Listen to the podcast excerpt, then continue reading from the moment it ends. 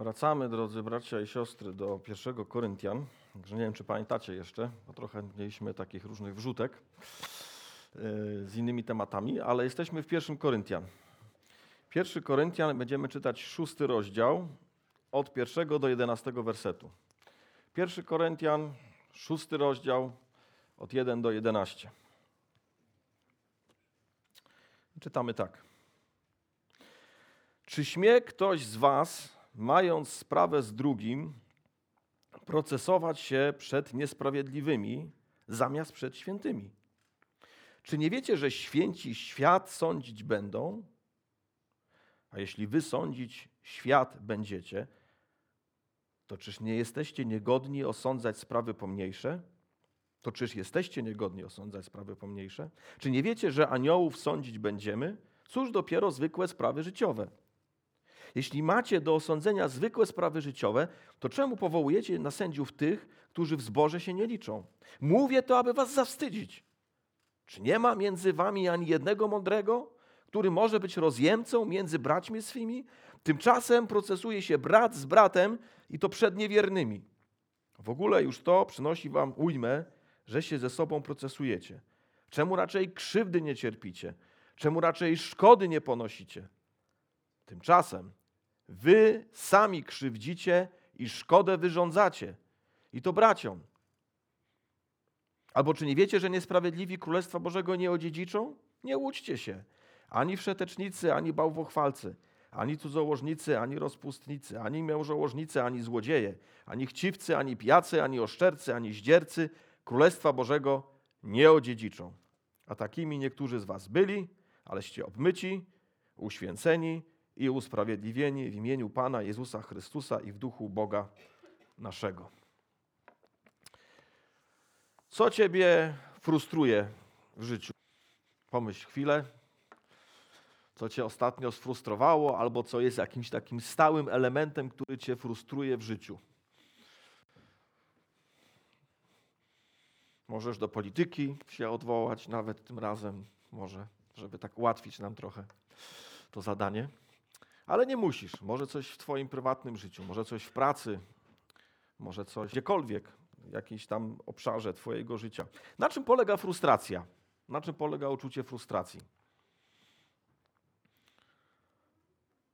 Ja sobie tak to zdefiniowałem na pewnej nieadekwatności tego, co jest, do tego, co powinno być.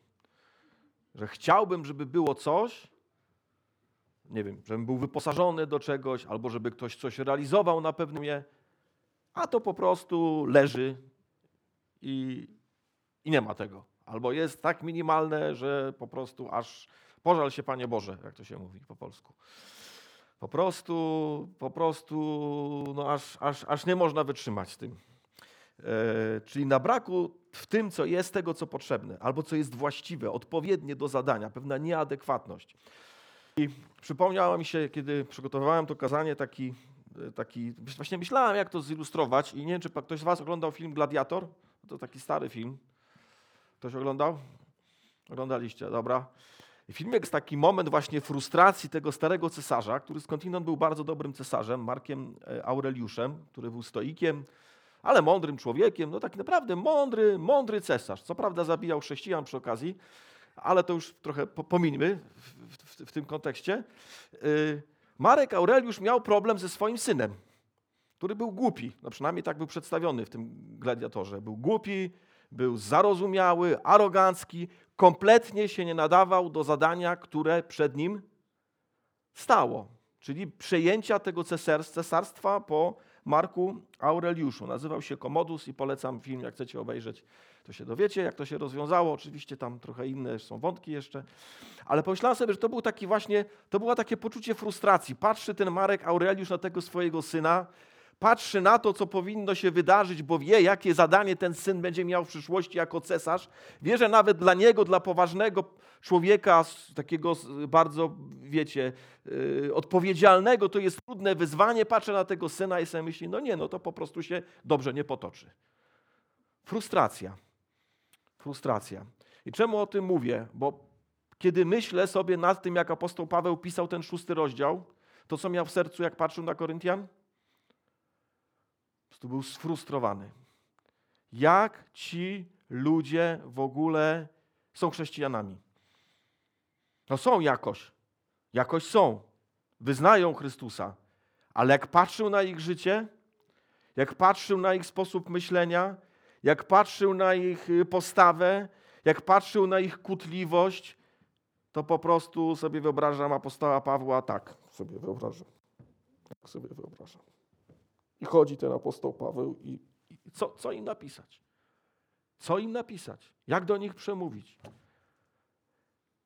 Jak ich wyciągnąć z tej beznadziei, z tej głupoty, z, te, z tej niedojrzałości? Jak, jak ich wycisnąć? Jak ich wypchnąć?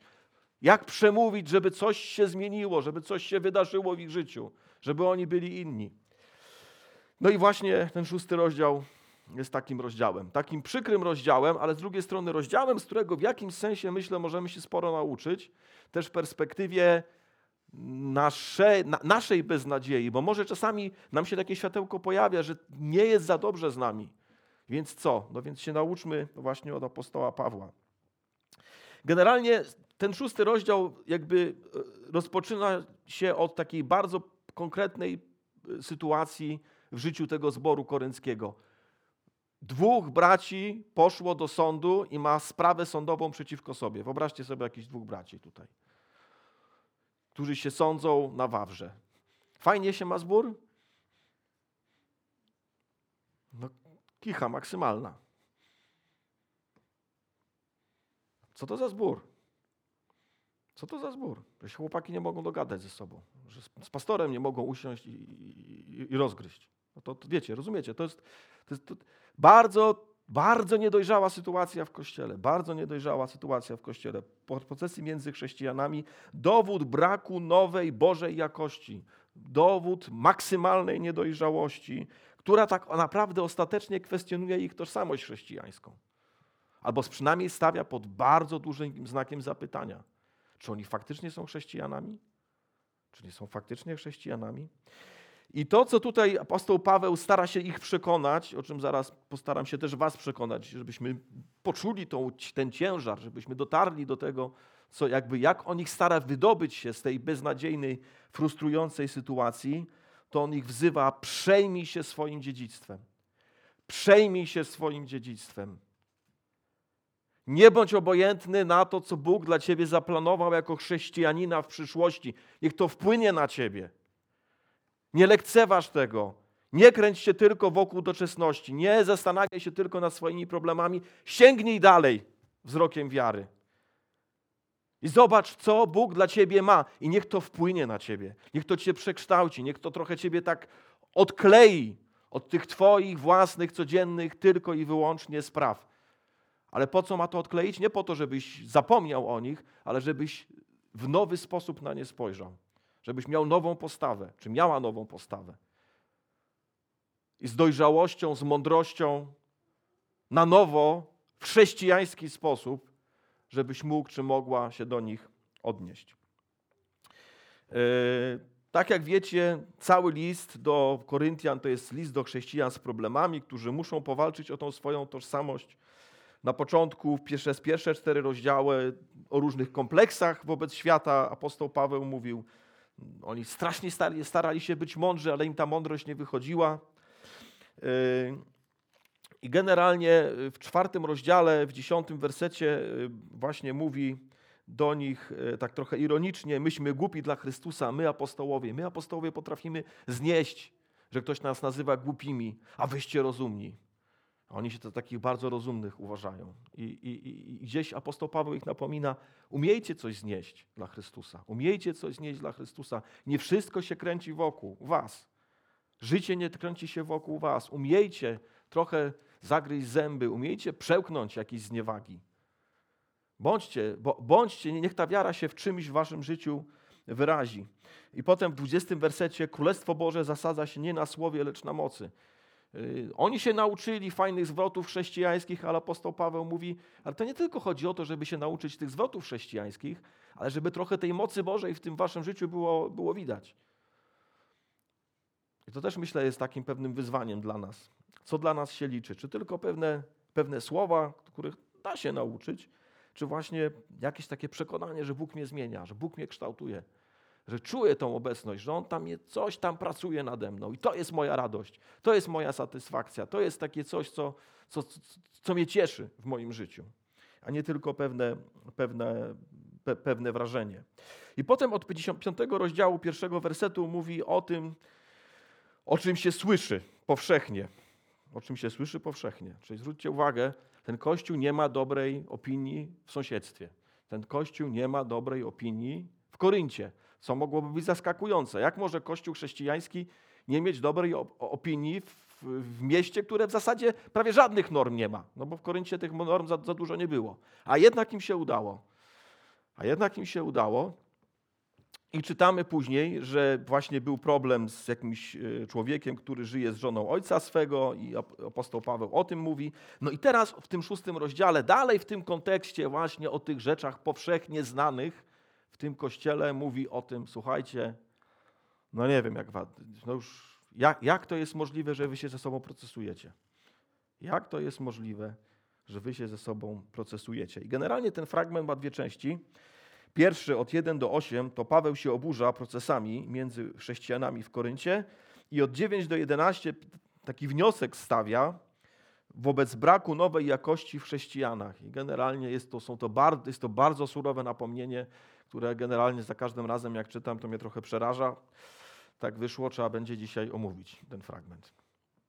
Także takie dwie rzeczy. Po pierwsze oburzenie Pawła procesami między chrześcijanami i po, i, i po drugie bardzo surowe napomnienie do chrześcijan. Yy, I tutaj w tym właśnie pierwszej części, kiedy on się oburza procesami yy, między chrześcijanami, zwróćcie uwagę, że on głównie pyta.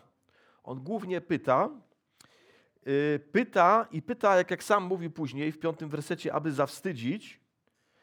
Innymi słowy, pyta, aby pobudzić do myślenia Pyta, aby przypomnieć im, kim są w Jezusie Chrystusie, aby zmusić ich do nowego spojrzenia. I te pytania są takie, no różne są te pytania, zaraz zobaczycie, ale generalnie, kiedy on pyta tych Koryntian, to postarajmy się trochę to usłyszeć jako pytanie do nas, dobra? Postarajmy się to w taki sposób usłyszeć, jakby nas trochę też apostoł Paweł pytał. I sprawdźmy, czy wiemy to, o czym on pyta Koryntian. Bo jeśli nie wiemy, a podejrzewam, że nie wiemy, bo nawet ja wielu rzeczy nie wiedziałem, musiałem przy tym kazaniu sobie trochę poprzypominać, a poza tym pewne rzeczy dla nich oczywiste, dla nas wcale niekoniecznie są tak bardzo oczywiste, jak zobaczycie. Y, no to, są, to mogą być nowe rzeczy. To mogą być dla nas nowe rzeczy. Wcale, wcale nie proste. Pierwszy werset. Czy śmie ktoś z was, mając sprawę z drugim, procesować się przed niesprawiedliwymi zamiast przed świętymi? O czym on tu mówi? Czy śmie ktoś z Was? To jest złe świadectwo. Czy odważa się, innymi słowy? Czy potraficie się odważyć na coś takiego? Ale w jakim sensie odważyć? No w takim, że to po prostu jest niedojrzałe, że to jest słabe, że to jest bardzo przykre, kiedy chrześcijanie publicznie się kłócą. To jest po prostu bardzo przykre. To, to, nie, to nie jest dobre. To nie jest dobre. To jest złe świadectwo. Więcej, Żydzi sobie na to nie pozwalali. Tak jak zwróćcie uwagę, zawsze Żydzi mają swoje własne sądy. I generalnie te własne sądy załatwiają sobie własnych, w własnym, że tak powiem, gronie pewne rzeczy. I to jest mądrość pewna. Tak samo jak w rodzinie. Najlepiej jest załatwić w rodzinie tak? pewne rzeczy. Oczywiście są sytuacje, że się nie da. Musimy się gdzieś do kogoś skierować poza. Ale co do zasady, najlepiej załatwiać rzeczy najpierw sami ze sobą. I yy, tutaj ewidentnie chodzi o jakąś szkodę czy o jakiś majątek. I to też myślę jest ważne, bo nie sądzę, żeby apostoł Paweł tutaj nas przekonywał, żeby ktoś na przykład, nie wiem, brat brata zabił, to mamy nie iść na policję. No myślę, że nie o to chodzi. Bo jak są naprawdę takie już poważne przestępstwa, typu jakieś właśnie zabijanie kogoś, czy okaleczanie, czy coś w tym stylu, to myślę, że no, od tego władza miecz nosi, nie na próżno, jak mówili list do Rzymian, że, że ma pewne zadania.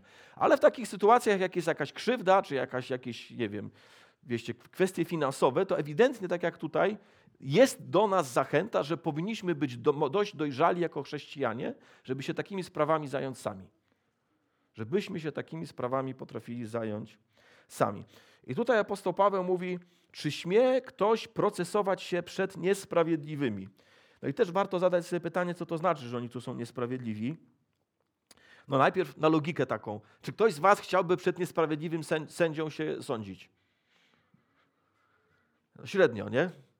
Jak wiemy, że on jest niesprawiedliwy, to nie chcemy. Ale myślę sobie, że tu nie chodzi w tym sensie, że on zakłada, że każdy, nie, każdy sąd niechrześcijański jest niesprawiedliwy w tym sensie, że jest nieuczciwy albo stronniczy, choć zapewne bywają, bywały takie sądy i bywają dzisiaj również. Ale myślę, że jemu tu chodzi o niesprawiedliwość w tym sensie, że ten, ten sąd nie jest bezpośrednio poddany temu, który jest sprawiedliwy. Czyli to nie jest sąd, który się odnosi do Boga. To nie jest sąd, który się odnosi do Bożych praw. To nie jest sąd, który, którego nie wiem, to nie są sędziowie nawróceni. To nie są ludzie, którzy rozsądzają y, sprawy w perspektywie Pisma Świętego. To są po prostu ludzie, którzy gdzieś tam są przygotowani w prawie rzymskim. To prawo miało plusy, minusy. Nie znam się za dużo na prawie rzymskim, pewnie tutaj są lepsi ode mnie, którzy mogli coś powiedzieć, ale generalnie yy, w tym sensie jest to sąd niesprawiedliwy, że nie w powiązaniu ze sprawiedliwym Bogiem. I logika, myślę, tego wersetu jest taka. Jeśli jako Kościół chrześcijański wyznajemy, że nasz Bóg i Pan jest sprawiedliwy, a wyznajemy to czy nie? Wyznajemy?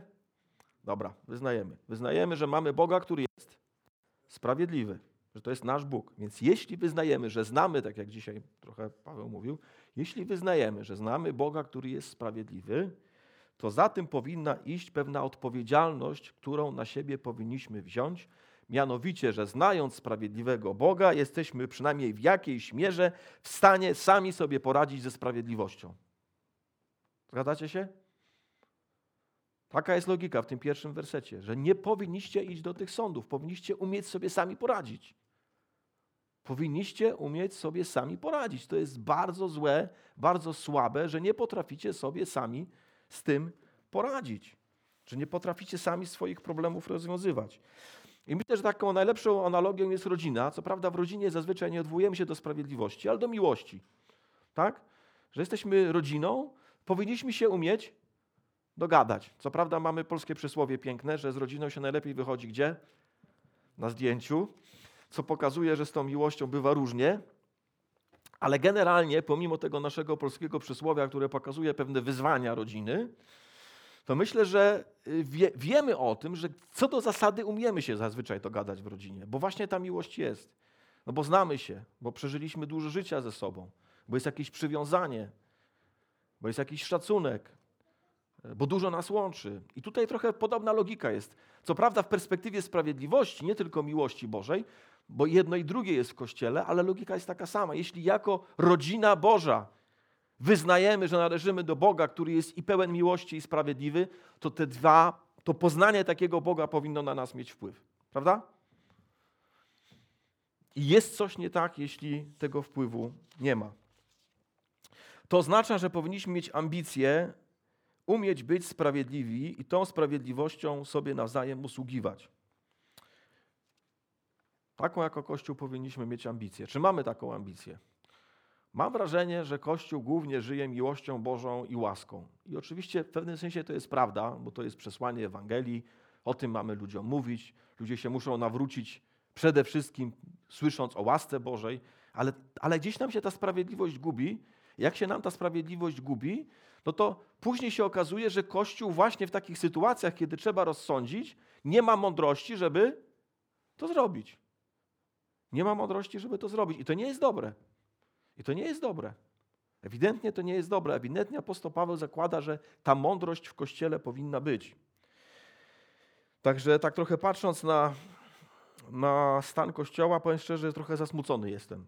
No, że apostoł Paweł tu poprzeczkę stawia wyżej, niż my dzisiaj jesteśmy w stanie, niż nasze dzisiejsze ambicje, o tak bym powiedział. My dzisiaj myślę, że takich ambicji nie mamy. Patrząc na historię, sądy kościelne to jest dobry pomysł. Sądy kościelne to był dobry pomysł. Czytałem jakąś taką książkę, że w starożytności ludzie niewierzący woleli pójść do lokalnego biskupa niż do lokalnego sędziego. Bo bardziej wierzyli temu lokalnemu biskupowi, że on rozsądzi sprawiedliwie, niż temu sędziemu. Czyli na przykład mogli się dogadać, kto, kto między nami rozstrzygnie, czy sędzia lokalny, czy biskup lokalny. I to nie, mogli być ludzie niewierzący kompletnie. Ale właśnie Kościół miał pewien szacunek w społeczeństwie ze względu na sprawiedliwe wyroki. I zobaczcie, czy to nie jest wspaniałe świadectwo. Nie chcielibyście, żeby przychodzili ludzie do nas, żeby rozstrzygać o sprawiedliwości?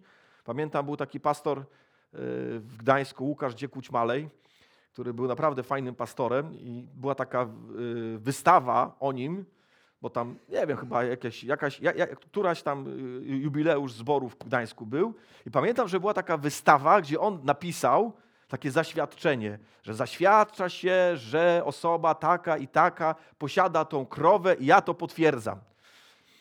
I tak sobie pomyślałem, popatrzcie, że to nie jest żadne pismo urzędowe. Kim on był?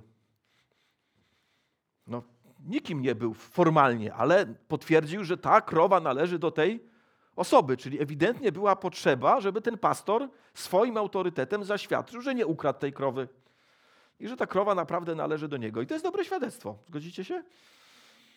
Że pastor ma taki autorytet, że poświadcza, że ta krowa należy do tego człowieka, no i nawet może i władza ludowa uszanowała.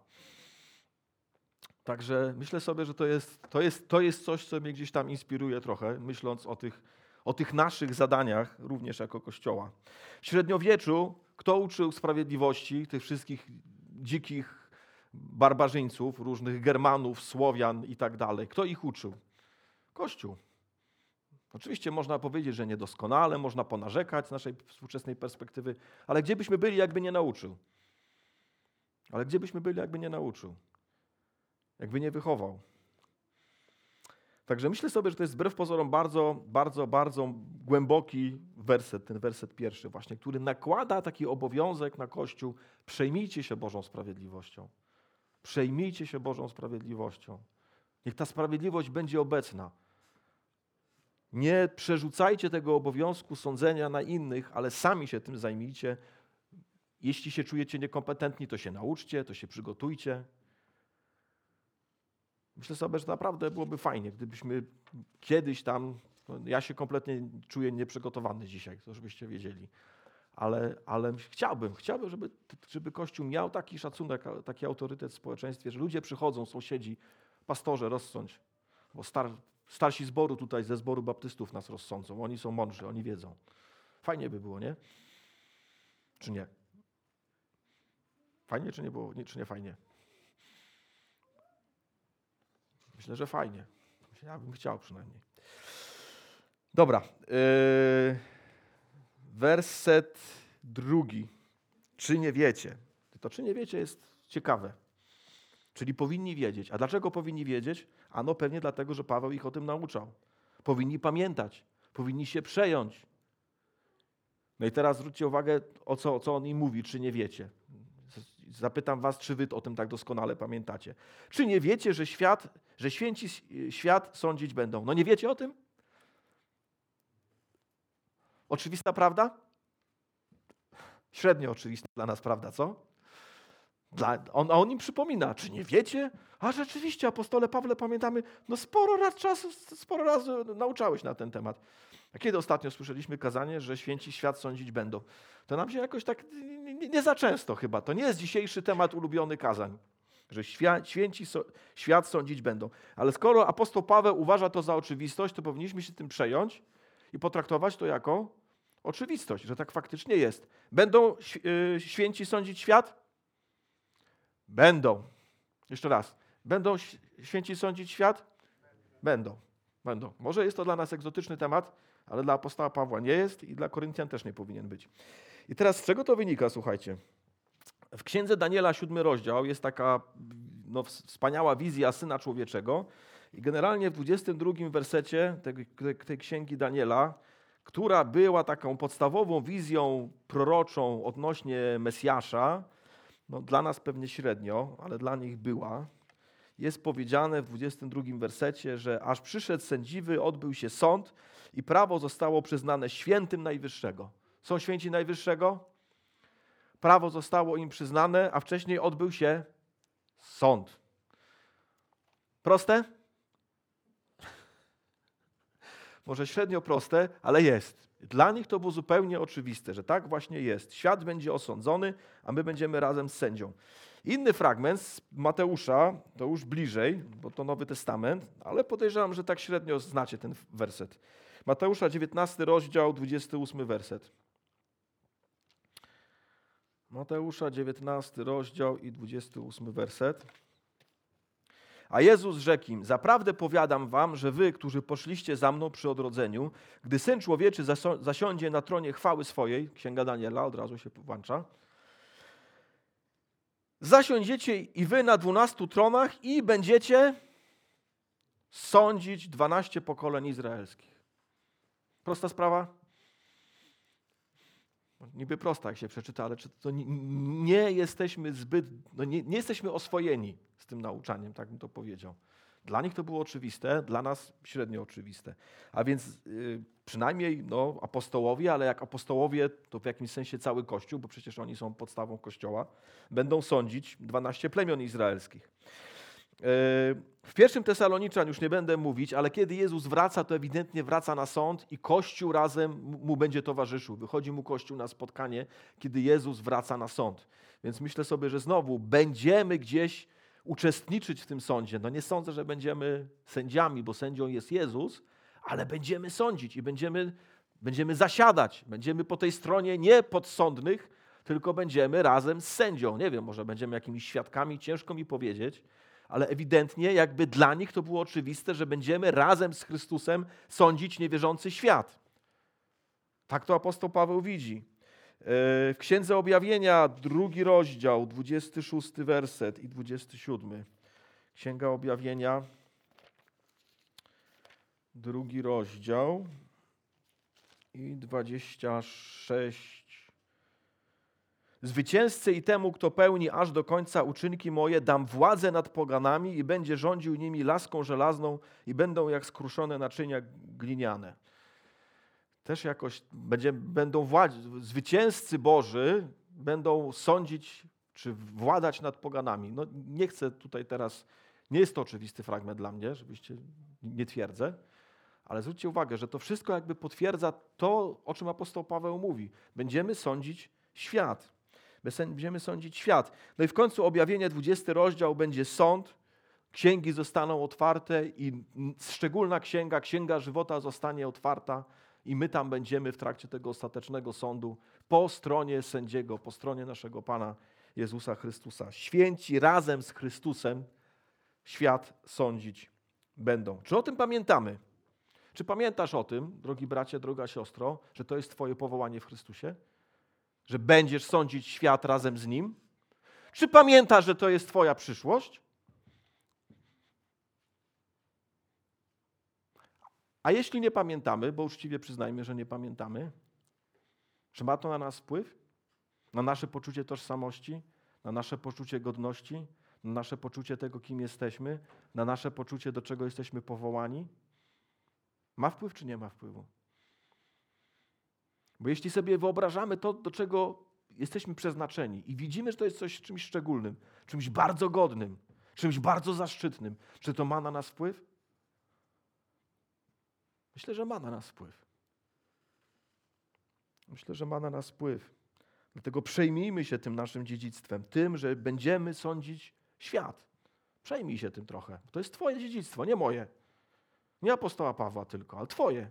To jest Twoje dziedzictwo w Jezusie Chrystusie. Czy wyobrażasz sobie siebie w tym, w tym momencie? Czy wyobrażasz sobie siebie na tym wydarzeniu? Może warto sobie trochę zadać taki intelektualny wysiłek. Pobudzić wyobraźnię, że to jest, to jest nasze chrześcijańskie powołanie. Druga rzecz, jeszcze trudniejsza, trzeci werset. Czy nie wiecie, że aniołów sądzić będziemy? Czy nie wiecie? Czy nie wiecie, że aniołów sądzić będziemy? Przecież powinniście pamiętać. Znowu, strasznie trudne nauczanie. No, powiem szczerze, nie jest to proste. Nie jest to proste nawet znaleźć te fragmenty, na których apostoł Paweł się opiera. Najbardziej mi pasuje 1 Koryntian 15 rozdział, czyli dalej w Koryntian o tym będzie mówił. 25-26 werset. Jest tu mowa o Jezusie. On musi królować, dopóki nie położy wszystkich nieprzyjaciół pod swoje stopy, a jako ostatni wróg zniszczona będzie śmierć. Wszystko bowiem poddał pod jego stopy. Czyli jeśli wszystko poddał pod jego stopy, to szatana i demony i anioły też. Też. I to oznacza, i, i, i my będziemy z nim. I my będziemy z nim. My będziemy po jego stronie, będziemy sądzić aniołów. Inny taki fragment, który też o tym trochę mówi w podobny sposób, księga List do Efezjan, pierwszy rozdział, 20 werset do 22.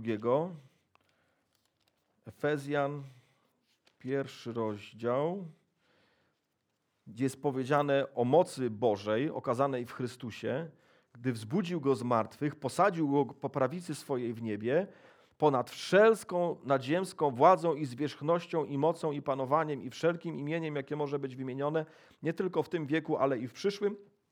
I wszystko poddał pod nogi Jego, a Jego samego ustanowił ponad wszystkim głową Kościoła. Czyli zwróćcie uwagę, że Chrystus ma władzę nad wszystkim, nad wszystkimi aniołami. Sąd się nad nimi jeszcze nie odbył, ale On panuje w, w, w niebie jako głowa Kościoła. My jesteśmy Jego ciałem. Nie wiem do końca, jak to wszystko się wydarzy, ale wiem, że kiedy On będzie sądził, będziemy z Nim, będziemy po Jego stronie i będziemy doświadczać naprawdę wielkiego zaszczytu. Naprawdę, naprawdę wielkiego zaszczytu.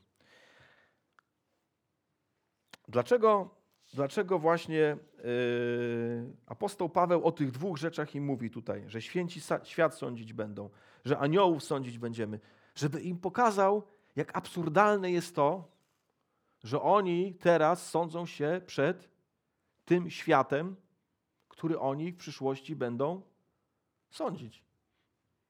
Jak jest absurdalne, jak jest nieodpowiednie, nieadekwatne, niewłaściwe, frustrujące, można powiedzieć. Za kogo się uważamy jako chrześcijanie? Czy widzimy swoją przyszłość? Czy widzisz swoje dziedzictwo? Może nie widzisz, bo ja też powiem szczerze, no uczciwie patrząc na ten werset, rzadko o tym pamiętam, że będę sądził świat. I rzadko sobie wyobrażam, że będę sądzić aniołów. Ale to jest chrześcijańskie dziedzictwo. I warto się nim przejąć. Nie pozwólmy teraźniejszości tak bardzo wkręcić nas w doczesność, że zapomnimy o chwale.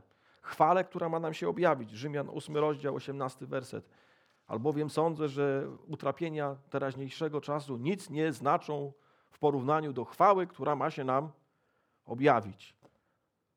No będziemy naprawdę doświadczać wywyższenia. Nie dlatego, że zasługujemy, nie dlatego, że sobie zarobiliśmy, nie dlatego, że tacy super jesteśmy.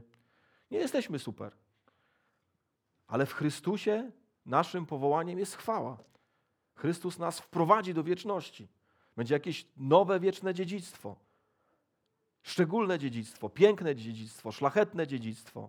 Rzeczy, których może nie potrafimy sobie wyobrazić, ale rzeczy dobre, rzeczy piękne, rzeczy doskonałe. To jest nasze powołanie w Jezusie Chrystusie. Czy o tym pamiętamy? Czy to wpływa na, nasze, na naszą tożsamość, na to, jak sami siebie postrzegamy? Nie chodzi mi o pychę. Kiedyś takie było nauczanie, zresztą chyba jest w różnych kościołach, że pamiętaj, że jesteś synem króla. Albo pamiętaj, że jesteś córką króla. No i trochę tak czasami te córki króla i ci synowie króla to tacy, wiecie, zarozumiali byli. Ja z takim nauczaniem zawsze miałem pewien problem, bo to nie chodzi o to, żeby pompować ego chrześcijan. Naprawdę nie o to mi chodzi, żeby pompować wasze ego. Ale czym innym jest pompowanie ego chrześcijan, a czym innym jest zdrowa godność. Zdrowe poczucie takiej, wiecie, takiej godności, że ja należę do Chrystusa. Ja należę do Chrystusa. Moim powołaniem jest wieczna chwała. Moim powołaniem jest wieczność. Dzięki Niemu, nie dzięki temu, że sobie zasłużyłem, zapracowałem. Nie zapracowałem sobie. Nie zasłużyłem. Ale w imię fałszywej pokory nie powinniśmy zapominać o tym, co jest naszym powołaniem. Bo to jest fałszywa pokora. I apostoł Paweł mi przypomina, bądź, pamiętajcie, kim jesteście. Pamiętajcie o swoim dziedzictwie, że sądzić będziecie świat że sądzić będziecie aniołów. I się ogarnijcie. I nie dajcie sobie takich, i, i, i, nie wchodźcie na tą drogę, żeby was niewierzący ludzie sądzili. No, dajcie spokój. Pamiętajcie, kim jesteście.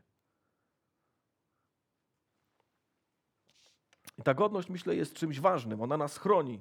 Ona nas chroni od takiej byle jakości, od miernoty, od beznadziei odgodzenia się na słabość, odgodzenia się na byle jakość. Jeśli jesteśmy naprawdę pełni godności, to pewnych rzeczy sobie po prostu nie pozwolimy. Na pewne rzeczy sobie nie pozwolimy. Ale jak zapomnimy o tym, no to już niech się dzieje wszystko. Tam Czy tak powinniśmy działać? Czy taką powinniśmy mieć postawę jako chrześcijanie? No nie, ewidentnie nie. Ewidentnie apostoł Paweł im właśnie taką postawę próbuje z głowy wybić. I nam również. A więc przejmij się tym swoim dziedzictwem. Przejmij się tym swoim dziedzictwem. I to nam pozwoli odpowiedzieć na werset czwarty. Jeśli macie do osądzenia zwykłe sprawy życiowe, to czemu powołujecie na sędziów tych, którzy, którzy się w zboże nie liczą? Mówię to, aby was zawstydzić. Czy nie ma między wami ani jednego mądrego, który może być rozjemcą między braćmi swymi? Bardzo przykra sytuacja. Jeśli nie potrafią znaleźć kogoś, kto jest w stanie ich pogodzić, to jest w stanie do nich oboju, obojga przemówić, który ma dość autorytetu, żeby się zgodzili na to, co on rozstrzygnie, że on tam jakoś rozstrzygnie między nimi. Bardzo, bardzo, bardzo przykra rzecz.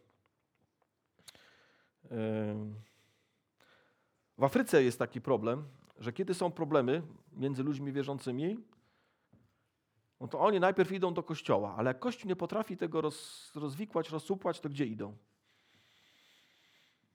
Do szamana idą. Dlaczego? Bo wiedzą, że szaman od stuleci, szamani od stuleci rozwikują takie problemy.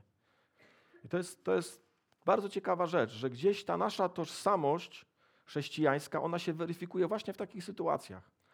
Czy ten Kościół potrafi w takiej trudnej sytuacji, kiedy jest konflikt między dwoma braćmi, stanąć na wysokości zadania i rozstrzygnąć? Czy cofamy się, że tak powiem, rzeczywistość, z której wychodzimy, gdzie Boga nie było, ale która działa? No bo jakoś działa. Możemy powiedzieć lepiej, gorzej, ale działa. I myślę sobie, że to jest, to jest takim naszym zagrożeniem. Hmm, kiedyś też taki słyszałem kawał, że siedzą dzieci gdzieś tam w szkole. To jest jeszcze szkoła w dawnych czasach, kiedy można było do religii się odnosić. I panie pyta dzieci, czy chcecie pójść do nieba? I wszystkie dzieci, tak, tak, tak, tak. Jasiu się nie zgłasza. No i chociaż to podobno historia prawdziwa jest. No to jeszcze raz ta pani mówi. No to, ale, to, to jeszcze, ale tam będzie fajnie w niebie, będzie pięknie. To jeszcze raz, dzieci, kto chce pójść do nieba? I znowu wszyscy się zgłaszają, oprócz Jasia. Jasiu się nie zgłasza. I, no i pani się pyta w końcu Jasia. Mówi, Jasiu, a czemu ty się nie zgłaszasz? Co, nie chcesz pójść do nieba? Mówi, pewnie, że chcę, ale nie z nimi. I czasami tak sobie myślę, że, że, że, że, no właśnie, z kim my chcemy do tego nieba się wybrać? Z kim my chcemy do tego nieba się wybrać? Czy jesteśmy dość dojrzali, żeby mieć takie pragnienie, że, że pójdziemy razem i to będzie dobre i to będzie fajne? Yy, na przykład jak myślę nad Koryntianami, to tak średnio bym chciał być z nimi chyba w niebie. Oczywiście trzeba wierzyć w to, że Pan Bóg oczyści i tak dalej, i tak dalej. Ale wiecie, wiecie o co chodzi? Chodzi o to, że gdzieś w Kościele musi ta nowa, nowość być. Ta nowa jakość, która sprawia, że myślimy sobie, jest nadzieja. Tak, Bóg nas zmienia. Warto o tym niebie pomyśleć. To będzie dobre miejsce. To będzie dobra, dobry czas. Werset siódmy. W ogóle już to przynosi wam ujmę, że się z sobą procesujecie. Czemu raczej krzywdy nie cierpicie, czemu raczej szkody nie ponosicie? Yy, w jakimś sensie można powiedzieć, że duszpastersko doprowadzenie do procesu w zborze to przegrana, to już porażka. Powinni umieć się dogadać wcześniej.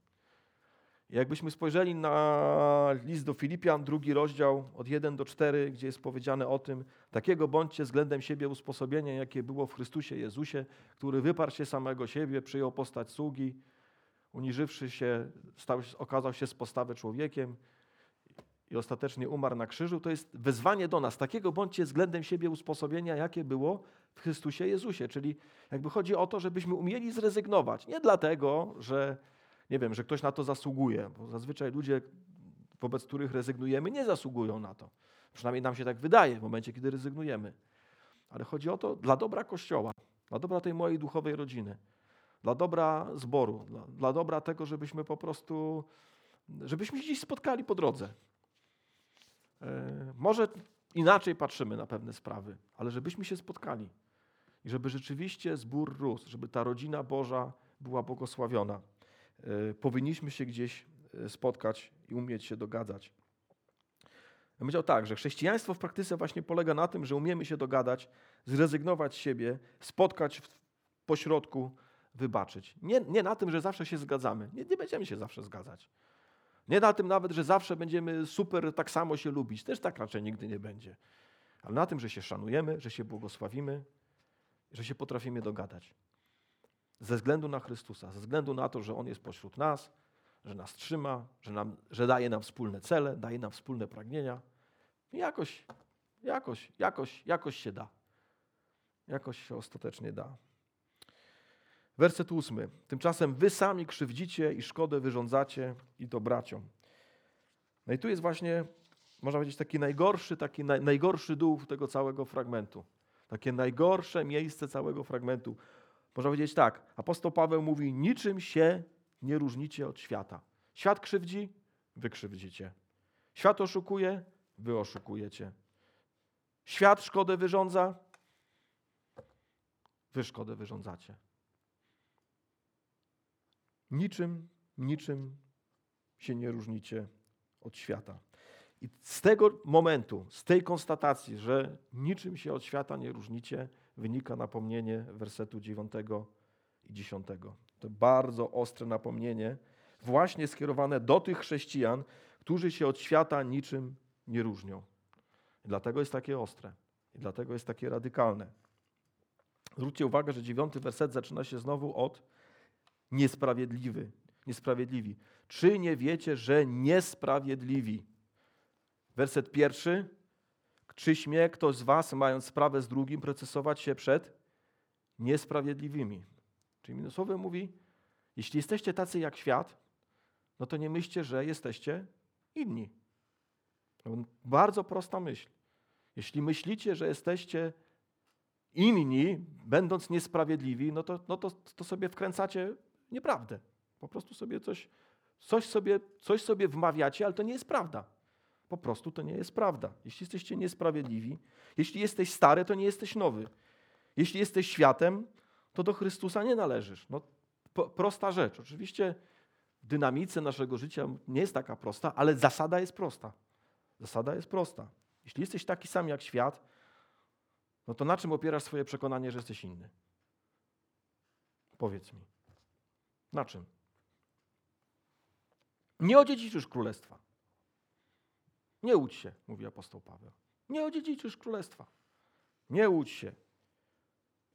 Nie odziedziczysz sądzenia świata, nie odziedziczysz sądzenia aniołów. To nie ty. Ciebie tam nie będzie. Dlaczego tam ciebie nie będzie? No bo, no bo właśnie, no bo pokaż mi, jak, na czym stawiasz swoje przekonanie, że tam będziesz jednak. No pokaż mi. Pokaż mi. I apostoł Paweł tą niesprawiedliwość rozwija. Wszetecznicy, ludzie, którzy nie mają żadnej nowości w podejściu do współżycia. Dalej później mówi o nich jako cudzołożnikach, rozpustnikach i mężołożnikach. To tak dodam, żebyś jakby no, pododawał tych określeń trochę więcej. Bałwochwalcy, ludzie, którzy tak naprawdę w Koryncie wiemy, że tego bałwochwalstwa było bardzo dużo, którzy mieli problem z tym, żeby, żeby wracać do tych starych bożków. Może my dzisiaj nie mamy takiego problemu ze starymi bożkami, ale wierzcie mi, w bardzo wielu różnych miejscach świata ludzie mają problem z bożkami, z powracaniem do starego, do, do, do starych, że tak powiem, przyzwyczajeń y, w kontekście wiary, oddawania czci. Chociaż u nas też można by się nad bałwochwalstwem zastanowić. Złodzieje. No, brak nowości w kontekście pieniędzy. No, tutaj ewidentnie chodziło o jakieś szkody finansowe, więc ci złodzieje są bardzo konkretni. Tak? Chciwcy. Podobnie, no może człowiek nie kradnie, ale jest tak chciwy, że nie odpuści nikomu nic. Tak? Też niedobrze. Też niedobrze. No bardzo jasno tutaj apostoł Paweł wymienia. Pijacy. Brak nowości Bożego, Bożej postawy wobec alkoholu. Oszczercy. Brak nowości w postawie do innych. To to jest oszczerca. Oszczerca to jest człowiek, który potrafi bluzgać na innych bez zahamowania. Człowiek, który, dla którego dobre imię kogoś obok się w ogóle nie liczy. Po prostu płynie i leci. Z najgorszymi różnymi wyzwiskami, opisami i tak dalej. Zdziercy. To to jest zdzierca. Zdzierca to jest człowiek, który krzywdzi. Zdzierca to jest człowiek, który może krzywdzić bezkarnie i krzywdzi bezkarnie. zabiera, niszczy, lekceważy, bo może. I apostoł Paweł właśnie w taki bardzo radykalny sposób ten dziewiąty i dziesiąty werset mówi. Dlaczego? Dlatego, żebyśmy i żeby oni, ci Koryntianie, jeśli naprawdę nic nas nie różni poza wyznaniem wiary, żebyśmy oprzytomnieli. Żebyśmy oprzytomnieli. Pamiętacie, jaki jest kontekst? Dwóch braci się kłóci. Przed świeckim sądem Podejrzewam, że przyszło, ktoś tam do nich przyszedł, tłumaczył im, słuchajcie, dogadajcie się. Nie, Drugi, no, gdzie jest Chrystus? Powiedzcie mi w takiej sytuacji. Powiedz, pokażcie mi Chrystusa. Gdzie jest Chrystus? Gdzie jest wiara? Gdzie jest dojrzałość? Gdzie jest? Nie ma. I apostoł Paweł mówi, kochani, jak tylko to możecie mi pokazać, to Królestwa Bożego nie, odziedziczy, nie, nie odziedziczycie. No po prostu nie. Po prostu nie. Oczywiście to jest moment w jego jakiejś tam poważniejszej dyskusji na temat ty, ten konkretny, ale myślę, że powinniśmy sobie zadać to pytanie, no gdzie my, gdzie my jesteśmy? Co byśmy temu apostołowi Pawłowi potrafili odpowiedzieć? Na jaką zmianę w naszym życiu wskazać. I on to oczywiście troszkę się z tego wycofuje na koniec w 11 wersecie, bo popatrzcie, że 11 werset łagodzi ten 9 i 10, bo mówi, a takimi niektórzy z was byli. Nawet ci, co się pokłócili. Ja myślę, że on jakoś ich ciąg, daje, daje im ciągle szansę. To nie jest tak, że on im. No, nie, nie mówi, a takim niektórzy z was byli oprócz tych dwóch, co się właśnie pokłócili. Albo oprócz tego, co żyje z żoną ojca, e, ojca swego. No nie mówi, nie, zmiana nastąpiła. Ale kochani, upewnijmy się, że zmiana, zmiana nastąpiła. I upewnijmy się, że zmiana trwa. Takimi niektórzy z was byli, aleście obmyci, uświęceni i usprawiedliwieni w imieniu Pana naszego Jezusa Chrystusa i w duchu Boga naszego. A więc musimy się różnić, ja bym powiedział, musimy się różnić właśnie naszą tożsamością, właśnie tym, żeby się przejąć tymi rzeczami, o których Biblia mówi. Przejąć się wiecznością, przejąć się tym, że będziemy aniołów sądzić, że będziemy świat sądzić, przejąć się tym, o czym Biblia mówi, że jest, że należy do naszego dziedzictwa, że należy do naszej tożsamości. Wierzyć w to po prostu, co Biblia mówi o chrześcijanach. Jeśli naprawdę będziemy wierzyć w to, co Biblia mówi o chrześcijanach, czy to będzie mieć na nas wpływ, czy nie będzie mieć wpływu na nas? Sytuacji, kiedy będziemy się chcieli poprocesować, sytuacji, kiedy będziemy chcieli kogoś opluć, sytuacji, kiedy będziemy chcieli sobie pofolgować. Będzie to miało na nas wpływ, czy nie będzie miało wpływu? Myślę, że wiecie że z doświadczenia, że to ma na nas wpływ. Że dopóki pamiętamy, kim jesteśmy w Jezusie Chrystusie, ciężej nam się grzeszy. Ciężej nam się grzeszy. Trudniej. A kiedy to zamykamy w szafeczce, przekręcamy kluczyk, chowamy, jesteśmy gotowi do czegokolwiek. A więc wyzwanie pozostaje. I to nie tylko wobec procesów, bo z tym pewnie żaden z nas nie ma problemu. Nie pozwólmy się wkręcić tylko i wyłącznie w doczesność. Nie pozwólmy sobie zapomnieć o naszym dziedzictwie w Jezusie Chrystusie. Przejmijmy się tym dziedzictwem. Pamiętajmy, że należymy do wieczności. Że właśnie pamiętajmy, że jesteśmy córką króla i synem króla. Pamiętajmy o tym, bo to prawda. Nie po to mówię, żeby się wzbijać w pychę, ale po to, żeby mieć swoją godność. I żeby ta godność nas chroniła od zła. Żeby ta godność nas chroniła od głupich ruchów. Żeby ta godność nas chroniła od zawstydzających decyzji w naszym życiu. Przejmijmy się tym, pamiętajmy. Niech nas to chroni i zmienia. Zmienia od byle jakości i bez nadziei. Amen. Postańmy pomódlmy się.